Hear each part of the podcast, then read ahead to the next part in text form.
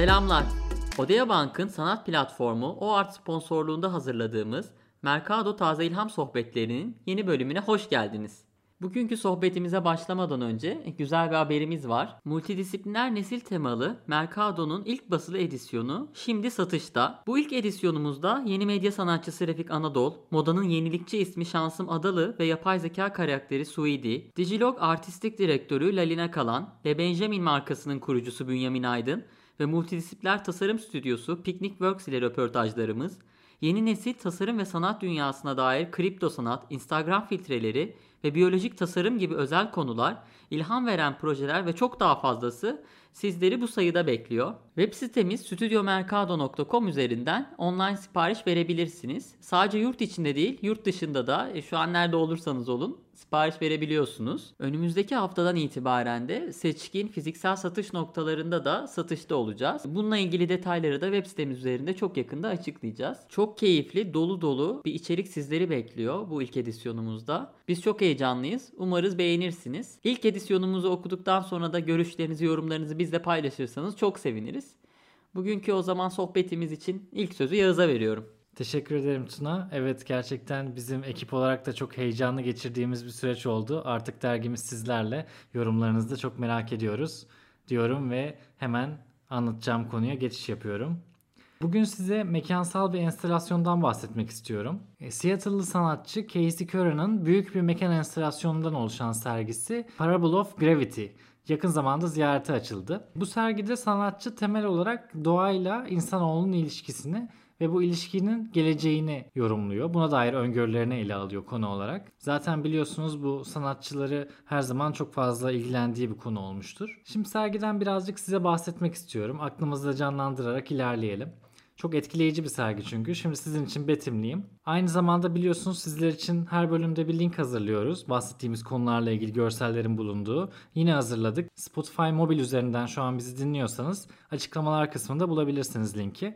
Ona tıklayıp o görseller eşliğinde de konularımızı takip edebilirsiniz. Sergiye gelecek olursak başladığı noktada yerden havalanmış bir insan figürüyle karşılıyor bizi sergi alanı. Üzerinde sanatçının alameti farikası olan çok ince detaylara sahip kağıt kesimi çiçek tasvirleri bulunuyor. Bu da deneyimleyenlere bu figürün hani dünyayı terk edip doğaya karıştığını ifade ediyor. Çünkü yerden yükselmiş, üstünde çiçekler bürümüş, etkileyici bir figür beyaz. Sonrasında bir duvar gibi yan yana dizilen 2,5 metre yüksekliğinde ahşap iskeletten oluşan bloklar arasından geçip ilerliyoruz. Ve ilerledikçe yukarıdan aşağıya doğru çürüyüp kısalmaya başlıyor bu bloklar. Bu blokların üzerinde girişteki insan figüründe gördüğümüz gibi kağıttan çiçek formları bürüyor. Şimdi bu çiçek formları aslında serginin e, özelliği ve sanatçının kendine en has olan özelliği. Çok ince lazer kesimle yapılmış bu formlar aynı zamanda kinetik özellikler kazanmış. Yani ne demek oluyor? Yavaş yavaş hareket ediyorlar. Bu hareketlerin etrafını sarması deneyimleyen kişiler için çok etkileyici bir e, an yaratıyor. İnsanoğlunun dünyayı terk edişi sonrası geride bıraktığı böyle büyük yapıların, düzenlerin yavaşça çürüyüp yok olmasını ve doğal düzeni yeniden sağlanmasını ifade ediyor gibi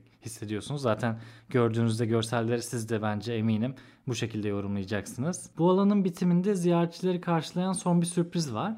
Tavandan asılı büyük ve etkileyici bir yapı bulunuyor e, serginin son kısmında. Alüminyum parçalardan oluşturulmuş dev bir asteroid temsili bu aslında. Büyük bir küresel yapı.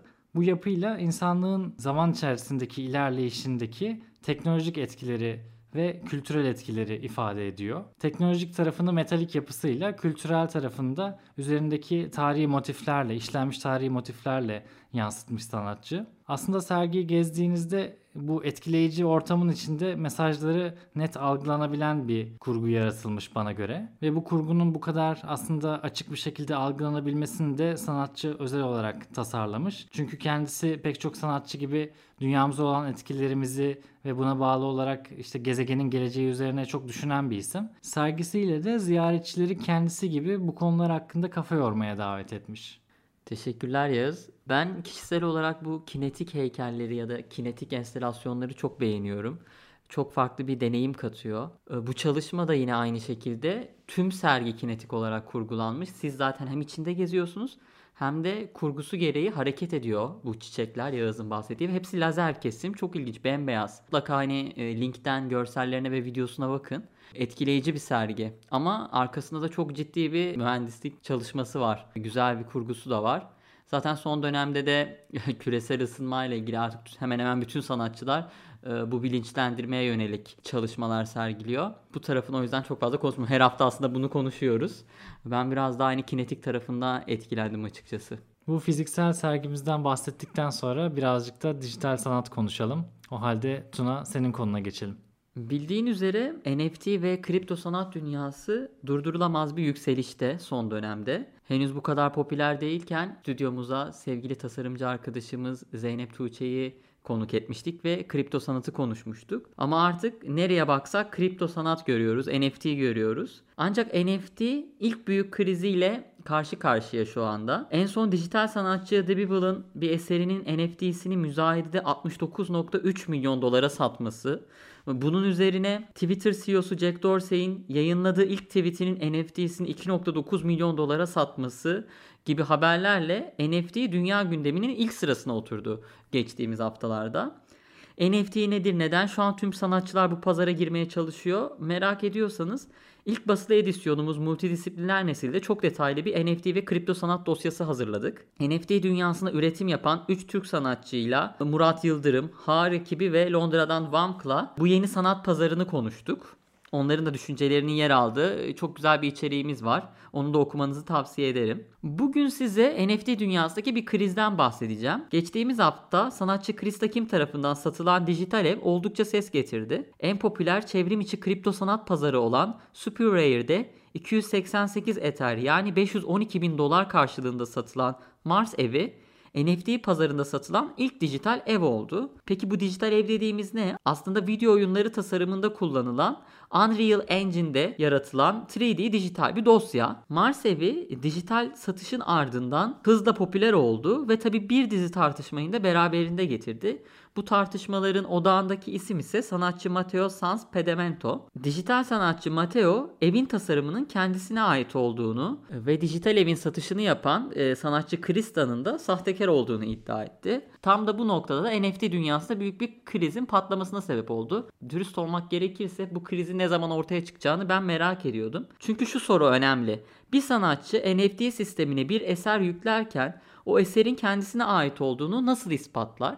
Aslında bu sorunun cevabı yok. Siz bireysel olarak bir sanatçı olarak blockchain sistemi üzerinden NFT olarak bir dijital eserinizi yükleyebiliyorsunuz. E bu noktada da yükleyen kişiye ait oluyor eser.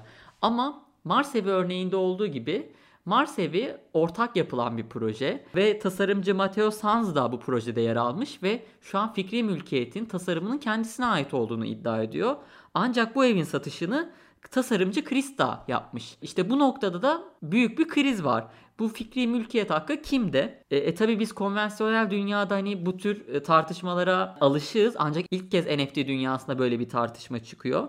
Dijital dünya hızla sanat ve tasarıma entegre olurken bildiğimiz sistemleri bir bir yıkarken aslında yepyeni sorunları ve tartışmalarını da beraberinde getiriyor. Fiziksel ve dijital dünyadaki üretimler arasında hak sahibi olma, kazanç sağlama ve değer biçme gibi konular ilerleyen dönemde en çok tartışılan konular arasında olacak. Bu iki tasarımcı arasındaki hak tartışmasında ise kazananı hep birlikte göreceğiz. Çünkü e, yepyeni bir dava konusu, yepyeni bir süreç. İlk kez NFT dünyasında böyle bir tartışma yaşanıyor.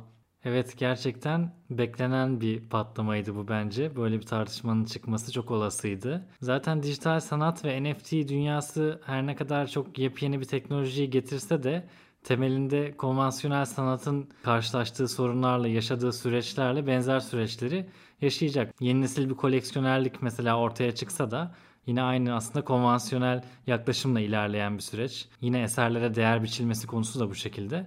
O yüzden böyle bir tartışmada özgünlük ve hak sahipliği, fikri hak sahipliği tartışması da bekliyorduk. Bakalım nasıl sonuçlanacak? Sonuçlanma aşamasında NFT'nin getirdiği bir farklılık olacak mı veya sonrası için nasıl gelişmeler veya önlemler alınabilecek? Gerçekten merak ettiğimiz bir konu. Sonuçlarını da takip edip sizlerle paylaşacağız. O halde NFT dünyasından son gelişmelerle bu bölümümüzün de sonuna geliyoruz. Odea Bank'ın sanat platformu OART sponsorluğunda hazırladığımız Mercado Taze İlham Sohbetleri podcast serimizin bu bölümünün sonuna geldik. Bir sonraki bölümde görüşene kadar kendinize iyi bakın. Hoşçakalın.